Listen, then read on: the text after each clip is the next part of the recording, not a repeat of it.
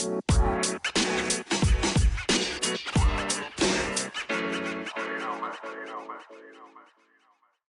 og velkommen til en ny episode av Fantasy Snakkes.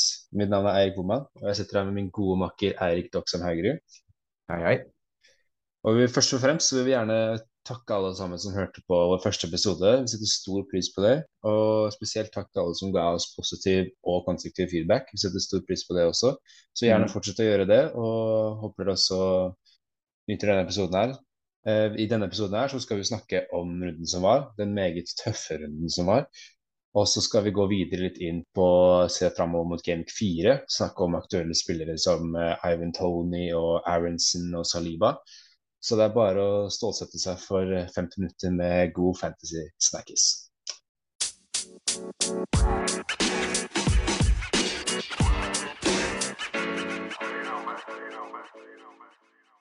Supert. Da hopper vi bare inn i del én, som er da runden som var. Det var Gameweek 3. Så da starter jeg med å gå gjennom laget mitt her. Det er ikke så veldig mye positivt å snakke om. Eh, for alle som er eh, involvert i spillet, så vet man at eh, det var en veldig lavtskårende runde. Det var gjennomsnittlig poengscore på 48, eh, som er relativt lavt.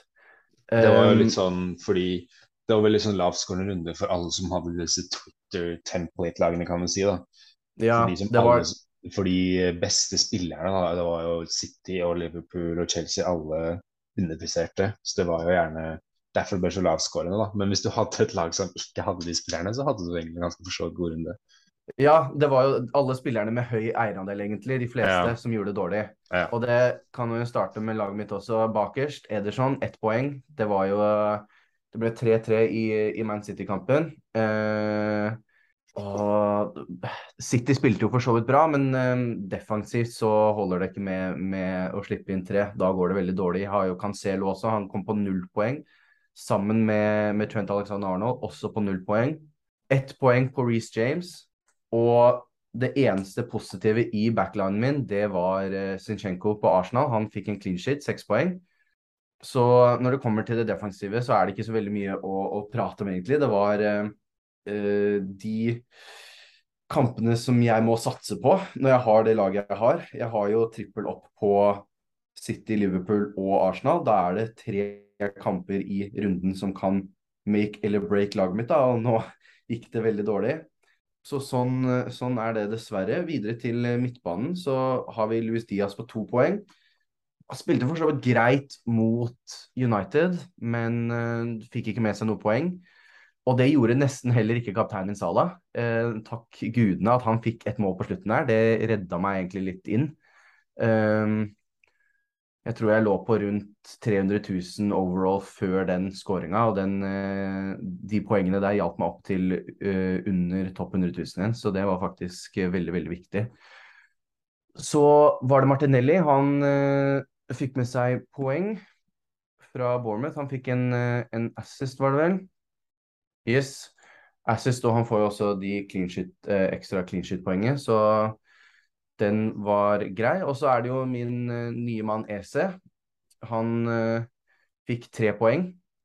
Uh, han Jeg så den kampen, Aston Villa Crystal Palace, og jeg koste meg egentlig veldig med å se på han. Han spilte utrolig bra. og var, hadde noen vendinger og sånt, og så så utrolig bra ut. Men han spilte mye mer defensiv rolle enn det jeg hadde sett for meg. Han spilte på venstre midtbane i en sånn 4-4-3 midtbanetreer, da. Uh, tidligere så har jeg sett han spille mer i en uh, som en uh, sånn andrespiss bak Saha, um, på en måte når de har pressa og sånn, og vært mye mer offensivt, da, i hvert fall en tier. Men nå var han mye mer defensivt, som var irriterende å se, fordi han var jo så god, men han var så for langt unna de områdene jeg skulle likt å sette han spille. da. Um, han kom seg litt på slutten. Da ble han flytta i en litt mer offensiv rolle. Um, så for så vidt fornøyd med framstillingen hans, men ikke med poengfangsten. Og så på topp så har jeg fortsatt Jesus og Haaland. Der ble det fire og seks poeng. Jesus kunne jo fort fått med seg mye mer fra den Bournemouth-kampen. Han hadde et uh, annullert offside-mål som uh, var på, må ha vært på millimeteren. Mm. Uh, Og han var også Han kunne lett den andre målet til Ødegaard, så var han Han kunne lett få tatt det skuddet, da. Og jeg er sikker på han hadde sett i den. Men han får med seg en assist. Og så Haaland også fikk med seg et mål i en ellers uh, uh, dårlig runde for, uh, for City. det eneste som svir på benken, egentlig, er at jeg har Andreas Pereira med åtte poeng. Mm. og det vet jeg det er mange andre også som sitter med. men ellers er det ikke mye å skryte av på benken. Ward har ikke gjort det kjempebra. Neko Williams og Nottingham Forest de slapp inn helt på slutten. Og ja, Archer spiller jo ikke, så En grei runde. Jeg havner tre poeng under average men uh, ikke det helt krise ennå. Jeg er fortsatt greit fornøyd med laget, selv om det, dette var egentlig bare en sånn runde hvor eh, det går dårlig. Ja, det er, sånn er det med de fleste. Det har gått litt mm. dårlig og litt trått denne runden her. Uh, jeg satt jo fikk jo faktisk 53 poeng, så jeg kom jo over average. Og han mm. egentlig tok igjen i de fleste ligaer. Og har jo bare grønne piler, men det er jo veldig minimale grønne piler. Hvor er du på overall nå? Bare 1,3 millioner, så det er ikke mm. noe Jeg lurer på om faktisk jeg har grønn pil, for jeg hadde rød pil på søndag, og da endte opp med grønn pil totalt. Ja, ja. Etter, men jeg tror jeg lå rundt samme forrige runde òg. Men det jeg gjorde før runden, da, var jo at jeg solgte jo Neto og Bailey for uh, Martinelli og Jossa Silva. Fordi jeg mm. tenkte at jeg klarte jeg turte ikke å gå lenger uten Martinelli. Martinelli uh, sett så bra ut, og så jeg var sånn jeg må ha en Martinelli. Uh, og så endte jo Bailey opp med å få en assist som sidde litt, og hadde jo en tverra verre òg. Ja, han men, så god ut, faktisk. Han så faktisk god Han skårte nå også i går i FA-cupen, nei, ligacupen. Skårte han òg. Mm. Så han er jo en spillerform, så hvis du har han, så vil jeg kvitte meg med han akkurat nå. så jeg kunne jo, men jeg måtte kvitt, få bekvitt han for å få Martinelli, så i grunnen så er jeg ikke noe så veldig lei meg for det nødvendigvis. Men ja, 53 poeng. Hadde Raja i kassa igjen. Veldig fornøyd med Raja. Han fikk eh, tre poeng, selv om han slipper inn to mål. For han har redninger, og han er eh, egentlig veldig fornøyd med, med Raja. Og så i forsvaret mm. så har som alle andre Trent, Reece James, Kyle Walker og Neko Williams med ett poeng hver. Og null poeng på Trent. da. Jeg gikk fem mm. etter back i denne runden her. Uh, men jeg hadde Perisic, som fikk tolv poeng. Vi skal gå litt nærmere inn på Perisic nå i hoveddelen. Men jeg mm. er veldig fornøyd med, med Perisic, uh, at han turte, turte å starte han, og at han kom til å starte han. På midtbanen så er det da Saka uh, som begynner å bli litt uh, irriterende. Martinelli og så Salah Cap, som jeg er også fornøyd med at han fikk den litt for et ærlig drittmål på slutten her. Det var skikkelig, ja. egentlig skikkelig drittmål. Ikke hans peneste. Nei, men det jeg sa, det kommer til å telle like mye som et mål fra 50 meter i krysset. Så, så de tar den. Jeg tar den målet, og jeg trengte det i de ekstra poengene der. altså Framme da, så har jeg jo Haaland og Jesus. Mm. Men det er på benken vi spiller, for da har jeg Callum Wilson med seks poeng. Jeg trodde ikke han skulle skåre mot City, men Newcastle det er interessant, for Newcastle er et av de eneste lagene som har turt å spille mot City. Mm. Og de satt City skikkelig på prøve når de faktisk tør å spille mot City. Så det var jo veldig kult å se. Uh, og så hadde jeg Andreas Pereira som alle andre. Og da Silva og Ward på benken. Jeg skulle gjerne spilt Wilson istedenfor Neko Williams. Uh, jeg vurderte også Andreas Pereira istedenfor Neko Williams, men jeg ble stående med Neko, og så var det irriterende at Newcastle, nei, Everton fikk den helt på slutten der. Det var, ja, det, det så jo lenge ut som han skulle få en uh, clean shit. Ja, så den, uh, den, var, den var kjip på tung å svelge, men uh, sånn er det bare. Sånn er fantasy. det var for så vidt lagene våre fra forrige runde. nå går vi litt over til vår hoveddel, der vi snakker mer om runden som kommer, og tar opp aktuelle spillere og hva vi har tenkt å gjøre med transfers. Skal vi gjøre transfers, skal vi ikke gjøre transfers? skal man rage wildcardet? Det er litt sånn, Vi skal ta opp aktuelle temaer og snakke litt rundt Game Week 4. Så det er bare å ikke flytte seg noe sted ennå. Nice. Vi hopper rett inn. Og da er vi inne i hoveddelen, eller del to som vi også kaller det. Og da handler alt om neste gameweek, som da er gameweek 4. Så da tenkte at vi skulle starte med uh, spørsmål fra lyttere, for vi har fått inn, uh, fått inn et spørsmål Uh, så hvis du kan ta det, Boman? Ja, Vi fikk, fikk inn et spørsmål av Markus Boman. han lurer rett og slett på Speres, Perisic. Vil man stå med han eller ikke? Eh, og hva er et godt alternativ til hans pris? Og han sier han allerede har Echo Williams. Uh, Perisic kan samle mye poeng, men er en risk uh, for mye rotering på bekkene, som Conte allerede har vist i starten. Mm. Uh, det er jo Jeg har jo Perisic selv og lurer fælt på hva jeg skal gjøre med han. Det er som du sier, Markus, så er han i risk for rotering, men når han spiller, så er han så farlig. Du så heatmap fra forrige kampen, så var det mer Eh, langs uh, motstanderens 16 meter enn sin egen 16 meter. Ja, han var veldig offensiv. Og han, kom, han tar cornere når han spiller. Han er farlig når han spiller. Men han er utsatt for å bli benka, og hvis han blir benka, så er han gjerne som regel førstemann inn. Og han er kanskje liksom førstemann ut når han starter. Ja. Så det er litt sånn Han er Han Det er en tøff release. Han koster jo bare 5,4. Han har gått opp til 5,5 nå. Han har gått tilbake til 5,5, ja. Så det er ja. sånn, Han koster jo bare 5,5, men i hvert fall når Champions League starter nå, så kan det hende hvis du, når Champions League starter, så kan du kanskje se en trend. da. Kanskje Cezinho starter alle Champions League-kampene, og så starter Perisic alle Premier League-kampene. Mm. Eller motsatt. Så du kommer til å se en mer trend da. Men akkurat nå så, så ser jeg liksom ikke noen sånn stor grunn for å selge han. For Tottenham har har Nottingham Forest til neste, og så har de Westham Fulham. Og så kommer litt tøft der med City, Leicester, Arsenal og Brighton. Så da, i hvert fall de neste tre rundene, da, eller før meg wildcarder, så ville jeg ikke nødvendigvis kasta brukte transfer på kaste Perisic. Så Nei. syns i hvert fall jeg, da. Nei, og jeg har tenkt, uh, tenkt mye av det samme. Uh, har du han nå på laget ditt, så ville jeg absolutt ikke solgt han. Eh, som du sier, Tottenham har bra, bra program framover, og han ser farlig ut når han spiller. Han, når det kommer til rotasjonen, så mener jeg at han var første som ble bytta ut i den uh, Wolverhampton-kampen nå. Mm. Um, men det at han starter, er et veldig godt tegn. Um, og jeg tenker at i de kampene nå før Champions League starter og sånn, så ville jeg absolutt hatt han. Han så veldig god ut og mye involvert i det Spurs gjør offensivt. Um, så jeg, sånn som med laget mitt, da, som ikke har han nå, så er jeg usikker på om jeg ville strukket meg veldig langt for å prøve å få han inn. Uh, men har du han, så ville jeg absolutt uh, holdt på han inntil videre.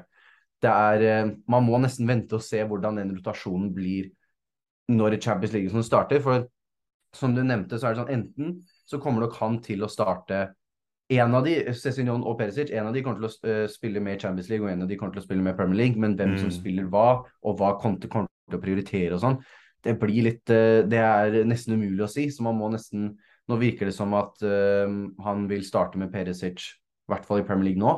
Så jeg ville bare, bare holdt på han inntil noe annet blir bevist, da. Og så er det å tenke på at hvis eh, Perisic er starter på benken, så er det stor mulighet for at han kommer inn på etter 60-70 minutter. Og da har han jo 30-40 minutter eh, 30-20 minutter på å få seg en assist. Da. Det klarte han jo mot Chelsea. Så ja. han kan jo komme inn og fortsatt få Han får vel ikke få clean sheet-poeng, men han Nei, kan, få, ja, kan jo få offensive return. Så det er jo han er jo ikke et krise som kommer fra bekken, men det er jo hvis du betaler 5,5 for en forsvarsspiller, så regner man jo egentlig med at han skal starte hver kamp. Men, du, skal, du, skal, ikke betale 5,5 for en benkspiller, nei. nei så det er, eh, men eh, så Markus lurte på om det var noen gode erstatninger, da, hvis man har lyst til, hvis man er sånn jeg vil ikke ta den risken. Ja, det er god mm. oppsving, men det er dårlig nedsving, så det er liksom jeg vil heller bare ha en som spiller fast. Så har du jo Tsjensjenko, som koster 5,1 eller 5,2. Han har gått opp til 5,2 nå, hvis jeg husker riktig. Ja, Skal vi se her. Ja, 5,2. Og så, så, det er liksom 5,2, da kan du få en direkte sopp og få penger igjen. Og så I mm. tillegg så har du jo Cucarella til 5,1, som er, ser ut til å bli fast på Chelsea nå. Uh, som du kan bytte inn for den prisen. Gabriel på Arsenal til 5 blank. Er jo målfarlig i bokser og spiller hver eneste Arsenal-kamp. Og så til slutt så har du jo Trippier da, til 5,1. Det er mm. de fire som er uh, aktuelle. Chinchenko, Cucarella, Gabriel og Trippier. Alle er billigere enn Perisic, men alle ligger rundt fem. Så, og det er spillere som spiller hver eneste kamp. Jeg ville også lagt til uh, Saliba i der. Jeg skrev i notatene mine at hvis du, kan, hvis du vil bytte ut Perisic, så er det nesten bare å gå for uh, et eller annet Arsenal-forsvar. Eh, for Arsenal har veldig godt program nå, og de, laget ser veldig, veldig godt ut. Eh, og da er det jo de som du snakker om, Shinchenko, Gabriel, men også Saliba er eh, Han kommer jeg til å nevne senere, men han også er Da kan du få gå ned en god del i pris, da. Eh, Og få sitte igjen med litt òg, hvis du vil gi de pengene videre et annet sted. Ja, da kan du jo fort ta Hvis du har Kane og vil få til Haaland, så kan du selge Perisic og ned til, uh, til Saliba gjøre om til Haaland. Eller Mm. eh, et annet sted så kan du oppgradere en midtbanespiller til Martinelli istedenfor. Uh, Mm. så det er litt sånn uh, Det er de som er aktuelle hvis du har lyst til å selge Perisic. Uh, Ja, for det er det jeg tenker. Hvis du først skal gå bort fra Perisic, og i hans prisklasse, så er, det noe, så er det nesten ikke noe annet bedre. Så da må det være hvis du skal frigjøre litt midler, da. Ja, men uh, som jeg sa i starten, har Perisic. Prioriterer ikke å selge han nå. Kanskje Nei. kommer kaste han på et wildcard. Hvis han blir benka nå to kamper på rad eller noe sånt, så kan vi heller snakke om at han kanskje selger han. Men akkurat nå så kaster han i hvert fall ikke etter en tolvpoenger. Så selger Nei, nei, nei. Der har du den, så er det bare å holde på til Ja. eh, vi ser noe annet. Det er uh, konklusjonen. Da hopper vi videre til transfers vi tenker Transferplaner for eh, neste gameweek, gameweek 4. Så Boman, hvorfor kan ikke du ta oss gjennom dine tanker for neste gameweek? Ja, selvfølgelig kan jeg det. Uh, det er mye tanker jeg egentlig har, og nå har jeg bare én transfer. Mhm. jeg har, en av tankene er jo bare la det uh, rulle, fordi fictures er veldig bra på laget mitt akkurat nå. Men jeg har bl.a. sett litt på litt forskjellige stats, og nå har jo Haaland ikke akkurat imponert de siste to kampene han skåret sist og liksom har fått poeng, så han ikke akkurat imponert. Og Kane og Tottenham ser jo litt skarpere ut enn kanskje Haaland gjør. Jeg så at uh, City spiller jo nå Palace i neste runde, og City har ikke skåret mot Palace på de to siste møtene de har spilt mot dem. Nei, de har, Eh. det er litt sånn buggy-laget deres. Ja, også Tottenham spiller jo mot uh, Nottingham Forest, og Nottingham Forest er rangert lavest på XGC, som er da expected clean sheets. Mm. Uh, uh, så du møter jo da det laget Kane møter det laget som er forventa til å holde minst clean sheets av alle, ikke sant? Mm. Og City møter jo da sin nemesis i Crystal Palace. Og så har jeg mener City Men det som jeg veier litt imot, er at City har et veldig godt program eh, med Palace, Nottingham Forest får jo de neste runde, da, og så Aston Villa, og så kommer Mm. Tottenham. Mens Tottenham har jo da, som jeg sa, Nottingham Forest. Og så har de Westham og Fulham, så de har jo også sånn Det er ikke noe gærent, men jeg tror ikke jeg kommer til å kaste bort et transfer på. For jeg føler jeg kan bare bli stående med Haaland nå. Ja, er det mulig å bare gå, Haaland til Kane denne runden, og så swappe han tilbake igjen? Det er fullstendig mulig det, hvis, hvis man har transfers og man prioriterer transfers på det. I Mm. tillegg, I tillegg så har jeg jo sett på um, muligheten nå for, for å selge Callum Wilson. For nå har Alexander Isak blitt kjøpt av Newcastle. Er den bekrefta? Eh, ja, fra alle David Or Ornstein, som er den beste Ja, han stoler jeg på. Ja, Fabrizio uh, Romano er enig, de er enige om overgang. Ja, og ok. han skal være mer eller mindre ganske klar for Newcastle. Spennende. Ja, for jeg så ryktene om det, men jeg så ikke at det hadde blitt bekrefta. Det var nå til morgen i dag, så Mm. leste jeg det at det var, eh, det var mer eller mindre i boks med Isak til Newcastle. For nå har jo Newcastle Wolverhampton borte, og så har de Liverpool. Mm. Uh, og så har de Palace, de har noen greie kamper der. Men da tror jeg det er farlig for uh, Wilson å bli rotert med Alexander Isak. Ja, og det er jo ikke det beste som de andre vi snakker om, har mye bedre program også. Ja, altså da, da er jo interessert i Ivan Tony. Ivan Mm. Tony har et mye bedre program enn Callum Wilson, og han er billigere enn Callum Wilson. For han har Everton, Palace, Leeds og 15. Så jeg vurderer Får du gjort det i, i ett transfer? Ja, fordi Wilson er 7,4 og Ivan Tony er 7,2. Han starta som 7,5, ja. ja. Men da Mm. går jo det, vet du. Så da da er, jeg vel, nesten gjort det. ja, da er det veldig interessant å bare gjøre den transferen. Og så I tillegg så har jeg jo sett på mulighetene for å ta ut Saka. Hvis Saka Mm. begynner å bli iskald Den eneste assisten han har, er jo tulleassist også. Uh, Ja. Så det er, det er liksom sånn Det er Gabriel Jesus, Martinelli Ødegaard som står for alt, føler jeg. Men Ja, for det virker, det virker som de har gått litt sånn eh, Saka, det han er god på, er å få ballen bredt ute og kjøre én med én og, og kutte inn, Mm. da. Eh, og så langt har det ført til da at det mer målskåringsdelen da kommer fra venstresida, at han er mer sånn tilrettelegger nå. Uh, altså, er Saka, på, er Saka på straffer fortsatt, eller er det Jesus Han er um, Det vet jeg ikke, for vi har ikke hatt straffe ennå. Uh. Nå husker jeg ikke hvem som tok til preseason, men jeg, av det jeg har sett rundt omkring på Twitter, og sånn, så er Saka fortsatt Han står som første straffevalg, mm. men det kan fort tenkes at Jesus fort kommer på den. Fordi jeg har jo faktisk da, sett dem å, å, fjerne Saka litt, også fordi han er eh, iskald, men også fordi jeg vil ha en forsvarsspiller fra Arsenal. Jeg mm. har allerede Martinelli og Jesus, og man kan ikke ha flere enn tre spillere fra ett lag. Så Derfor så har jeg sett til å bare frigjøre Saka for en Saha, som er i kjempeform mm. og ser ut som han skårte på Anfield. Så hvorfor i all verden kan han ikke skåre på Etia også? Ja, nei, uh, jeg tror veldig han kommer til å finne på noe Om ikke skåre, han kommer til å spille veldig bra på, på Ja, han er og han skårte, han ser skarp ut, altså. Han er på straffer mm. også. Og så er det ellers er det Rodrigo, da, eh, for Leeds. Fordi Leeds har jo Jeg mener de har ikke Ja, de har Brighton, Everton, Brentford, Nottingham Forest i de fire, siste, nei, fire neste. Så det er jo med, program, de ja, så, så, de har jo et veldig godt program. Så derfor så har jeg lyst til å frigjøre den siste Arsenal-plassen for, uh, på en forsvarsspiller. da. Og da er det jo sånn som vi snakket om tidligere med Perisic, at jeg eventuelt selger Saka nå for en Saha, Rodrigo, og så eventuelt da neste runde eller runden etter der henter inn Chinchenko, Saliba eller uh, Gabriel. Mm. Det er litt sånn, jeg vet ikke, Har du tenkt noe på laget? Skal du spare transfer, eller skal du bruke transfer?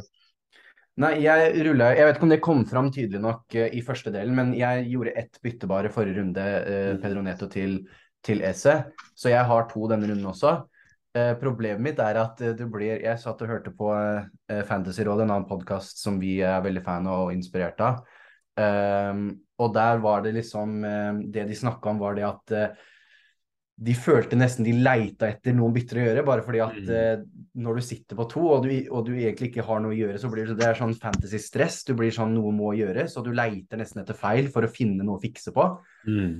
Eh, og jeg så også noen på Twitter som skrev at eh, du har ikke et dårlig lag, du har hatt en dårlig runde, og det er litt den følelsen jeg sitter på, da.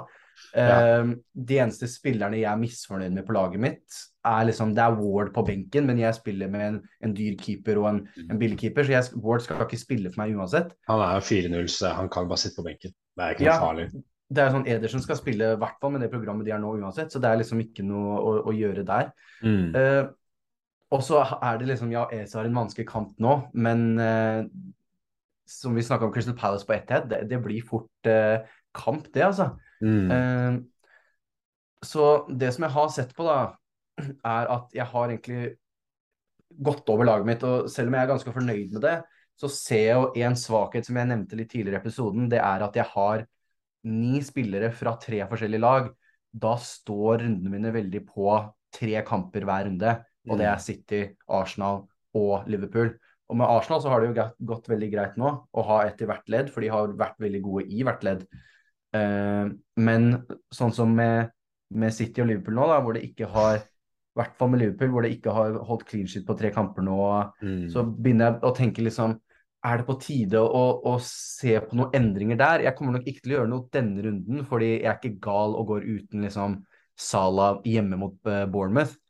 Men jeg vurderer hvis denne trenden fortsetter, det er liksom nesten siste sjanse for meg nå. Hvis, de, hvis Liverpool ikke holder null mot Bournemouth nå, så tror jeg at jeg går bort fra Trent. Jeg kommer fortsatt til å holde hvert fall Salah, fordi Liverpool er Liverpool uansett, og Salah er Salah. Men da kan det hende jeg går bort fra en fire bak, og heller kjører eh, tilbake til en sånn 3-4-3, 3-5-2, som var mye mer populært før.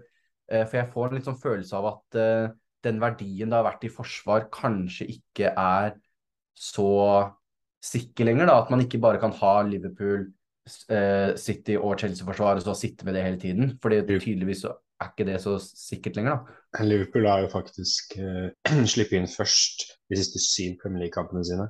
Mm. Så da... de sliter defensivt, altså de må sette igjen bak. Men samtidig så er jo Trent nummer én på creativity av 213 forsvarsspillere i Premier League. Og det er og... det som er så vanskelig, vet du. For ja, han er jo en offensiv asset, nesten. Jeg har to på ICT-indeks også, som er da eh, kombinerer influence, creativity og threat. Så han er jo mm. Han er jo, han er jo en ekstrem Han er en viktig fantasy asset, men han har jo ikke prestert. Nei, og det er nettopp det, og som vi snakka om i forrige episode, så var det det å sitte i båten og liksom eh, og, og holde seg og gjøre trygge valg i starten. Mm, Men nå er kjenner jeg at det begynner å, å, å, krible litt. eh, På grunn av at jeg har så mange ni spillere investert fra tre klubber bare, så begynner jeg å se på litt muligheter om jeg kan liksom branche litt ut da, og få inn fra litt andre klubber. da. Jeg har veldig lyst til å investere i, i, i Leeds. Jeg synes de er, det er utrolig morsomt å se på nå. og og hele det Jesse Marsh-prosjektet ser til å liksom komme en, en vei nå. Mm. Nå skal det sies, den eh, Jeg hørte noen si, snakke veldig godt om den eh, Chelsea-kampen akkurat, for der var det veldig sånn at det var veldig mye rom bak når Leeds presser så høyt som de gjør med Mm. den Red Bull-fotballen sin, men Chelsea var så treige i oppbyggingen at når de fikk ballen opp, så var allerede Leeds tilbake igjen. Uh, så det kan jo fort, det rommet de etterletter seg, det kommer jo fortsatt til å være der. Og uh, andre lag enn en Chelsea kan fort uh, Det er noe å utnytte der. Da, så jeg er ikke sikker Ja. de kommer til å være så gode. Fordi Leeds har gode underliggende defensivt tall nå. Det har ikke de hatt på ganske lenge.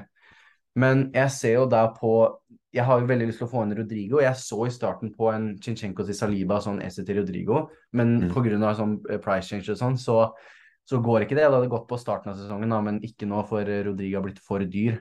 Ja. Så da, da ser jeg heller på en som vi har nevnt tidligere, eh, han eh, Brendan Aronson, Mm. som ser ut til å være et billigere alternativ for å in få investert i Leeds, da, og han har, ser også eh, veldig god ut.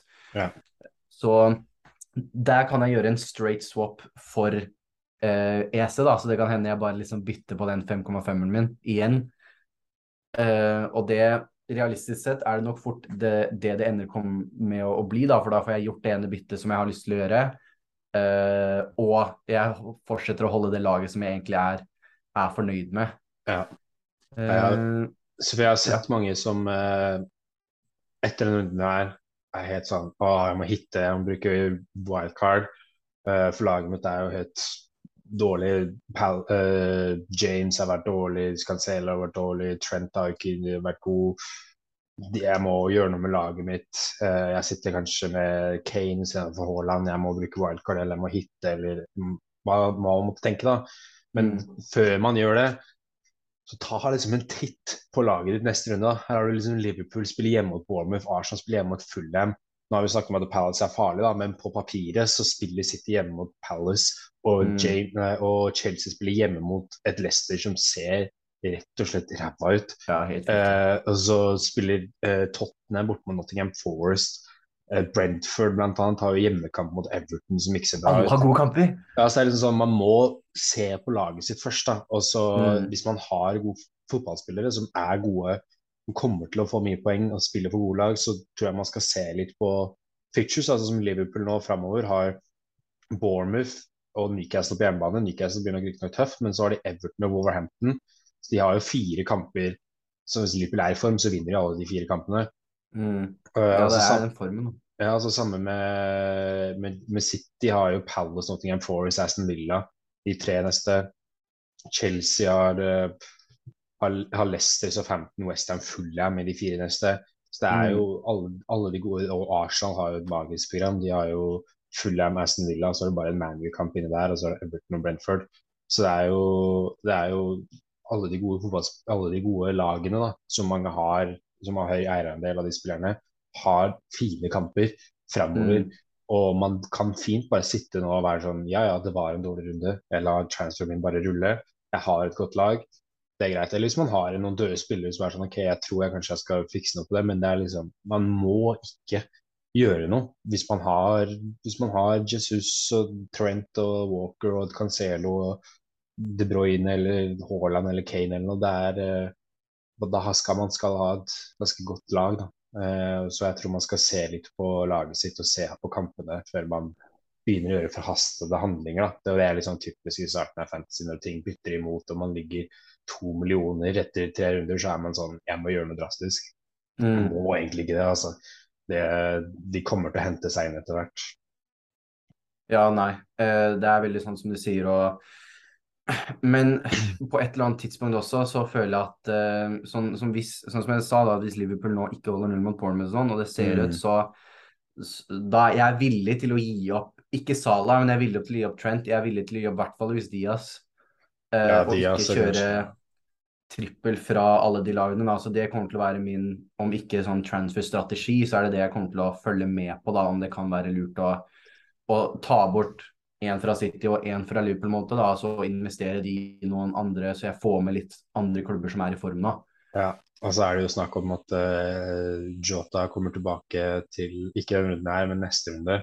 Og Mm. da er fort Diaz uh, en, som, uh, en som ryker for Jota, og Darwin Nunes kommer tilbake fra karantene. Uh, da er det Diaz eller Darwin Nunes, fordi jeg tror Jota skal inn på det laget og spille. fordi han, Ja, det, han, han, ikke, han er så målfarlig og så poacher, så jeg tror Jota det er akkurat det de trenger nå. Ja, så jeg tror fort Jota går inn på det laget når han er tilbake om to runders tid. Kanskje, Mm. kanskje han kommer fra benken om to runder, men om tre runder så er han plutselig inne i, i startelveren, og da er det Diaz eller Nunes som blir rotert ut. Mm. Så det Men- kan være lurt å se etter noe Diaz-erstatning.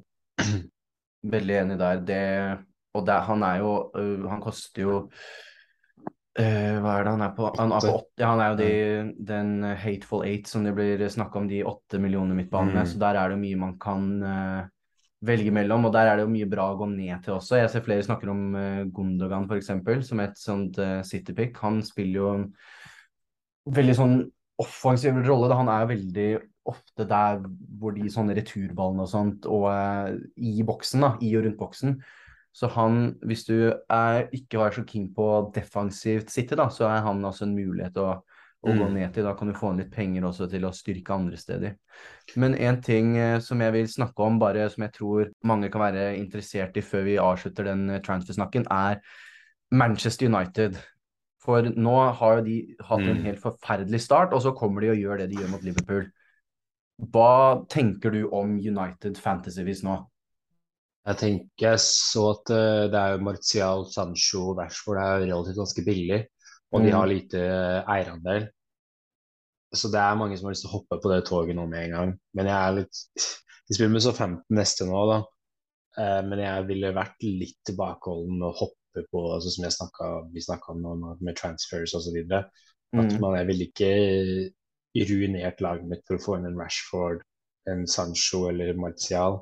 Jeg ville nok eh, holdt igjen litt grann og se om dette her ikke bare Når det er sånn Liverpool og Manchester United, så går jo form ut av vinduet, for man spiller jo med passion, ikke sant? Ja, det er de derbyene der sammen med Arsenal-Tottenham. Ja, da skal, skal man spille mot så 15 neste. Er de like motiverte til det? Er de like Det er full, det er jo ikke et fullsatt Old Trafford eh, de spiller mot Liverpool. Ja, nå er de plutselig borte mot 15. Mm. Så det, det er jo ikke det samme. Så jeg veit ikke det. Jeg ville ikke stressa med å fått inn en eneste Rashford tror jeg koster 6,8. Eh, Nei, 6,3 faktisk. 6,3, ja. er, Han er jo veldig interessant hvis han spiller fast. På det Ja, hvis han får den uh, spissplassen der, så kan det være veldig ja, spiss eller venstrekant, så tror jeg han eh, fort, eh, fort kan bli veldig interessant. Men utenom det så tror jeg ikke Martial vil jeg ikke fordi Så lenge Ronaldo er der, så er det alltid en sjanse for at Ronaldo spiller istedenfor Martial framme. Samme Rashford, ikke sant. Mm. Sancho er litt, litt mer interessant, men jeg, Sancho ah, har skåret fire mål i Premier League-karrieren sin. Ja, han er- hadde flere trenere enn han hadde Premier League-mål før eh, den Ja, kampen. så det er litt sånn her uh, Han har ikke strykken på sin side. Han skårte et veldig fint mål nå sist, men eh, han er Jeg, jeg ville sitte litt Jeg ville ikke hoppa på noe ManU. Det er ikke så mange av de som er i Forsvaret. Vi slipper inn mål mot Liverpool. Selv om de spiller bra og heroisk, så slipper vi inn mål. Eh, Det er mye bedre forsvarsspillere til de prisene. Og så er det det eneste jeg kan se for meg, da, er Rashford. da. Rashford er kanskje Jeg har en watchlist med spillere, Mm. og der har jeg jo Saliba, Rodrigo, Aronson og Tony, som vi allerede snakket om. Jeg kan godt slenge inn en Rashford inn der også, og se hvordan Rashford fortsetter nå. Hvis han, Siden han koster bare 6,3, så er det en interessant spiller. Ja, eh, og det er fordi Jeg er for så vidt enig i alt du sier med at uh, Liverpool, nei, Manchester United Liverpool Paul Trafford det er noe spesielt. Men uh, det som jeg også for å slå et slag for United, da, når jeg så på den kampen, det virka som et, et, et helt annet lag. Det var eh, De var oppe og high-five hverandre når det var taklinger, og det så ut som et eh, Det så faktisk ut som en, en gjeng med spillere som ville spille med hverandre, og ikke sånn som det har vært før. Og jeg syns at det er stort av Ten Hag å ta det valget å putte Maguire og på benken og, og holde Ronaldo der også. Mm. For dette her så ut som et lag som, som kunne spille fotball, og det, det funka faktisk. Ja. Så hvis det Det er enig i det du sier at det er for tidlig å si, men hvis noen nå hadde liksom tatt ut en Diaz for en Rashford, så hadde ikke jeg syntes at det var det verste du kunne gjøre. Jeg tror ikke jeg hadde gjort det personlig selv, for det kommer jeg nok ikke til å gjøre. Men hvis, dette, hvis det går to-tre kamper nå, da, ett til, og det fortsatt viser at det faktisk er noe der, da, fordi de to første kampene så, så var det liksom ikke noe Det var ikke verdt å se på engang, for det var liksom ikke noe offensivt som ble gjort, eller noe sånt. Nå så man i hvert fall at her er det noe som kan skje. Ja. Så for å konkludere på den, sitter fortsatt i båten på United, men de er nok verdt å ha på en watchlist nå. Det var det ikke før. Det er også litt om uh, Snakke litt om øyetest, da. Hvis jeg, Mm. Noen spillere som jeg har sett i helga som jeg var, var interessert i, Mm. både på det negative og det positive, så er det Almiron. Altså at det, Almiron koster bare fem millioner. Og han har Mm. veldig fine kamper nå. Han har Wolverhampton og så er det Liverpool-kampen, men Palace, Westham, Bournemouth og Fullham i neste. Og han er faktisk eh, rangert nummer to i hele ligaen for touches i straffefeltet. Han har startet alle kampene, og han har eh, 0,47 i XGI per 90 minutt, så det er da goal involvement. da. Og Mm. eller, eh, eller mål, så han har 0,47, som er relativt ganske høyt per 90 minutt. Ja. Eh, og det er da med de samme spillerne i det prissiktet, så er det desidert best av alle i det prissiktet til fem millioner. Og så har han fem eh, skudd i boksen, ett mål. Og så har han, ja, som jeg sa, veldig fine kamper framover. Så Almiron eh, han er veldig interessant til fem millioner. Kan være hvis du har Bailey, kanskje du skal gå rett til Almiron. Hvis du har Neto, rett inn til Almiron. For Neto er neste jeg skal om. Neto, er, Neto har skuffet, og jeg er glad jeg solgte den. For Mm. Wolverhampton ser ikke ut som de kan skåre mål. Tok våre skal mål her denne Ja, sesongen. nei, de, er, de, er sånn, de er litt sånn som Hele laget er litt som Adama Traore. Det er veldig flott til du skal avslutte, og da er det et eller annet som skjærer seg. Men hvis jeg bare kan få sagt én ting på han Almiron før vi går videre fra han, Mm. uh, så er jeg er en fan av uh, veldig fan av underliggende stats. Men jeg føler også Almiron er en litt sånn spiller man har brent seg på før. Hvor han, Mm. der han har en kamp hvor han ser veldig god ut, og så er det det han gjør den sesongen, liksom. Men det eneste som er annerledes nå enn før, da, er at nå ser faktisk Newcastle ut som et mye bedre lag.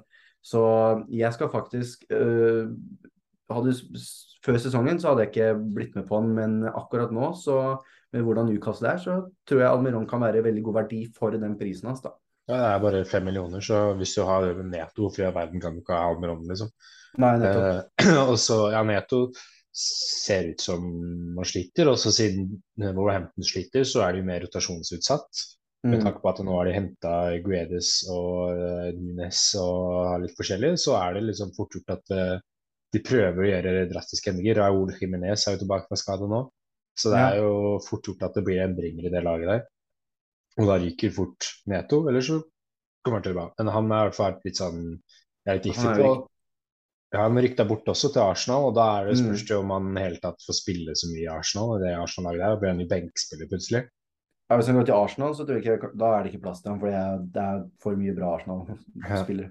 Den siste spilleren jeg å snakke om fra i testen, er McAllister på Mm. Brighton. Fordi eh, nå kjøpte Brighton Nå skal jeg se om jeg husker Estupi, Estupi, Estupinan.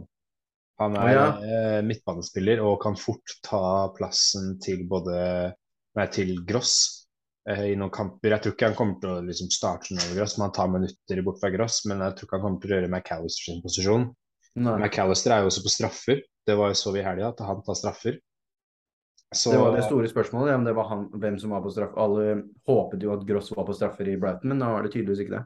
ja, så det er øh, det var i hvert fall en, en spiller jeg noterte meg ned og syntes var interessant. da. Men om man skal hive han inn, det vet jeg ikke. Men det er bare en, øh, tre spillere som har øh, lagt merke til nå i helga, da. Ja, og på han eh, McAllister så er jeg også, som jeg sa, så er jeg interessert i å investere inn i Leeds, og jeg er også veldig interessert i å investere inn i Brighton. Mm. Eh, for Graham Potter er kanskje ligaens beste trener sånn med tanke på eh, de midlene han har. av det han har fått til. Det er egentlig veldig underkommunisert det han har fått til med Brighton. Mm. På tanke med størrelsen på den klubben og på måten den fotballen de spiller. Uh, det er jo Guardiola også har ute og sagt at en av de få uh, lagene som faktisk tør å spille når han kommer på besøk, da, City kommer på besøk, er jo, er jo Brighton. Mm. Uh, og nå virker det som om Det er jo den Jeg tror de hadde sånn expected points på sånn 60. De hadde 20 mer expected points enn det de faktisk fikk forrige sesong, hvis jeg husker riktig. Ja. Som er helt sykt. De, skulle havne på femteplass eller noe sånt, hadde de bare satt de sjansene de skulle. Ja. Eh, så hvis det laget eh, kan begynne å, å, få igjen for det arbeidet de legger ned, da, og score på de sjansene de vil, eh, så tror jeg de kan uh, være veldig overprestere da, enn det folk har tenkt denne sesongen. Så det er litt spørsmål inn hvem er det du skal gå inn på der. Det kan jo være McAllister. Jeg sliter litt med å liksom gå inn på Welbeck, selv om vi snakka om han, han sist uke som en joker. Mm. Uh, men der uh, Hele Brighton er egentlig på min uh, watchlist for et eller annet der. Jeg må finne den Jeg vil finne den spilleren som jeg ser der. Den skal jeg Han skal inn på laget mitt. Den Brighton-spilleren skal jeg investere på inn i laget mitt, da. Ja. Men jeg syns det var veldig fin eh, diskusjon rundt eh, Gaming 4, så da tenker jeg vi kan bare hoppe rett inn i spaltene. Yes, da gjør vi det, vet du.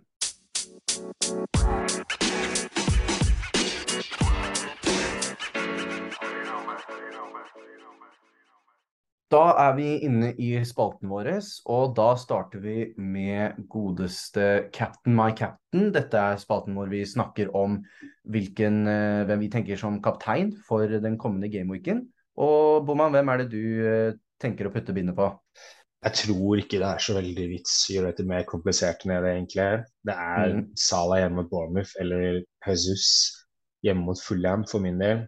Haaland også er aktuell, men jeg føler det er mange andre steder i målene kommer fra i, i City akkurat nå.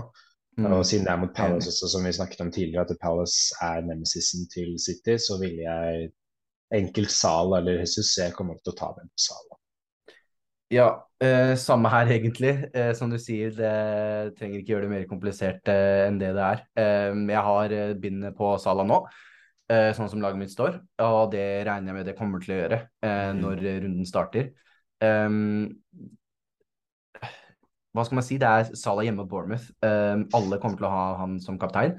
Ja. Eh, da er det enten så går det dårlig med alle, og det har ikke noe, da kansellerer det seg ut, eller så misser du han hvis han først skulle gjøre det bra.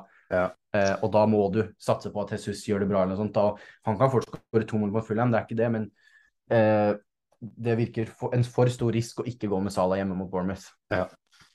Det er eh, kort gjort. Eh, verre er det ikke egentlig. Men jeg tenker Nei. vi bare kan hoppe inn i jokere, der vi prøver å finne en joker i hvert ledd, så godt det lar seg gjøre. Noen mm. som kanskje ikke har blitt snakket om så mye, eller eh, ja, noen du vil skille deg litt ut. da. Eh, jeg kan mm. godt begynne med min forsvarsspiller til under Kjør på. 5,5. Det er Weltmann på Brighton. Koster fortsatt bare 4,5 i et meget solid og godt Brighton-lag. De spiller som vi har sagt om tidligere, Brighton har, eh, spiller ekstremt god fotball. Han eh, er veldig offensiv. Jeg mener han har spilt noen kamper på Beck, eh, Weltmann. Eh, Ja, men det tror jeg faktisk. jeg mener han er spiller litt Beck, og så er han i tillegg veldig farlig på dødball. Så Brighton har gode fi- fictures også, så det er min eh, forsvarsspiller. Så jeg er interessert i å høre hvem du har som joker i forsvaret med 5,5. Uh, jokeren min eh, ser jeg nå dessverre at uh, han har jo gått opp i pris, og han er ikke lenger uh, 4,5. For jeg hadde Saliba, han har gått opp til 4,6. Det er fortsatt Eh, veldig billig for Så ja, eh, så teknisk sett utafor, da. Men eh, han har bare sett helt fantastisk ut. Nå gikk han jo Han hadde et selvmål i, i Game Week 2 eh, og kom tilbake nå i Game Week 3 borte mot Bournemouth med eh, nydelig scoring eh, og clean sheet. Og for den prisen så har du en start Du har ligalederens eh, startende midtstopper til Mm. 4,6, eh, som har eh, 9-2 i målforskjell eller noe sånt. Og de har vist at han kan skåre mål. Han har vist at han kan skåre mål. Jeg tror at uh, både han og Gabriel, midtstopperne til Arsenal, kommer til å være veldig målfarlige på dødballer. Det virker som de har trent en del på det, har litt trekk og sånt. Uh, så de tror jeg kan komme opp i, i ganske, ganske mye målpoeng. Og de ser veldig gode ut. Og det er, det er ikke sjokkerende om de tar tre-fire clean sheets framover. Så å komme seg inn på en Arsenal-midtstopper til den prisen, det tror jeg er en absolutt must have hvis Ja. du har en åpen Arsenal-spot. Ja, Midtbane under syv 7 millioner. Hvem var du der? Der har jeg Denne syns jeg faktisk var litt morsom, for der har jeg Alan San Maxima. Mhm. Han koster 6,4, og han For jeg var av en eller annen grunn så var jeg overbevist om at han var spiss. Var ikke han det i fjor? han, var, han var spiss, men ikke i fjor, året før der igjen. Mhm, Så var han for spiss på Fantasy. For nå er han Skal jeg bare se at jeg ikke har driti meg helt på det. Nei, han er, midt, han er midtbane. Ja. Um, og han hadde en hat trick med assist mot City. Han var involvert i absolutt alt de gjorde offensivt, og han er jo en, en sånn morsom spiller Ja. eh, å se på. Nå er det jo spørsmålet form, er det helt Ja. vanvittig. Og det er nettopp det. Spørsmålet med San Maxime er jo eh, han, er en av, han ser verdensklasse ut når han er i form, men hvor ofte er han i form? Mm. Nå hadde han en dag Han hadde liksom en sånn dag, og da er han Da gir han liksom hat trick med assist mot City. Men så er det, kommer han til å gjøre det, det i, i de neste kampene framover? Det er ikke sikkert, men uh, som vi har snakket om tidligere, så ser Newcastle mer solide ut. Og det tror jeg kommer til å heve hele laget. Mm. Og hvis Newcastle gjør det bra, så kan jeg love deg at St. Maxima kommer til å være involvert i alt det bra offensive de gjør. Mm. Så han tror jeg er en kjempekul joker å få inn på laget. Ja, er enig i det. Min eh, er, som jeg hadde snakket om, Brandon Aronson fra United States of America. Han spiller for uh, Leeds. Han er farlig spiller, han er morsom spiller. Han jobber steinhardt når han spiller. Han koster bare 5,5, så direktebytte med Neto er uh, veldig enkelt, spør du meg. Om du Mm. ikke har noe penger i banken, så er det fort gjort å bare gjøre Neto om til Brandon Uh, mm. og Mm. han spiller framme, og han har gode fictures, så trenger egentlig ikke å si veldig mye mer. Han er eh, en god joker og veldig billig, og god, veldig god verdi, tror jeg, da. Ja, han jo- kommer som sagt mest sannsynlig inn på bare på, på en to sekunder. Han kommer som sagt eh, mest sannsynlig inn på laget mitt. Og det virker som Jesse March de har jo den amerikanske linken. Det virker som han liker han veldig godt, så det Ja. lover godt for spilletid og sånn. Så har vi da angreper eh, til Mhm. 700. Eh, det er jo litt dødt landskap under 7 millioner på angreper, egentlig. Eh, det er Ja. ikke så veldig mye å ta av uh, der, men uh, MBMO, som du hadde i forrige runde, mener jeg, jeg tenkte mm. å ta han som joker, fordi han er fortsatt en joker. Det er ikke mange som eier MBMO. Og han er, uh, han er veldig farlig på kontringer spesielt, da. Så Mm. er eh, MBMO ekstremt farlig. Han koster bare 6 millioner. Jeg tror han har en eierandel bare på 3 ja. Så det er eh, Ja, han er en liten joker i spissiktet. Det gode features, som jeg sa, og ekstremt farlig. Han er på åttendeplass av alle angripere på ICT-indeks. Som jeg Mm. nevnte tidligere, det er jo da en kombinasjon av influence, creativity and threat. Så Mm. han er eh, han er en eh, joker da, framme hvis du har lyst til å spille med tre spisser, så er Mbembo veldig interessant. da. Ja, i et landskap som du sier hvor det ikke er så mye, så er han en liten lysstråle da, som det kan være verdt å gå for. Og det er jo litt det som preger min angrepsjoker også, at eh, det er ikke så mye under 7,0 der. Eh, så jeg har egentlig valgt å gå med, med Mitrovic, som var et veldig populært eh, valg i starten. Og han er fortsatt eid av eh, 17,4% så han er ikke en joker i med tanke på at det er veldig få som eier han, for det er en ganske stor andel. Men han har eh, Jeg så liksom på stats, han har tre mål på tre kamper. Det er like mye eh, mål som han hadde hele forrige gang Fulham var oppe i Premier League. Nå har Fulham litt vanskelig program de neste rundene, men Mitrovic ser ut til å kunne i hvert fall komme opp på kanskje ti pluss mål, da, og ser ut som han faktisk klarer å, å skåre litt i Premier League. Og Fulham har ikke sett uh, ut som et sånn helt dårlig nyopprykka lag som de pleier å gjøre heller. Mm. Så det, han Mitrovic for uh, den prisen han er på nå, han koster 6,6. Han virker å være beste valget i, i den prisklassen med tanke på uh, Mm. mål han har skåret og sånn. Så han er min joker. Men det er strålende. Da Mhm. har vi vært igjennom alt vi ville være igjennom i denne episoden av Fantasy Snakkes. Vi Mhm. vil eh, minne om at det er nå runde i helga, og så er det midtukerunde neste. Yep. Da er det kamper tirsdag og onsdag. Er det kamp torsdag? Jeg tror det er bare tirsdag og onsdag.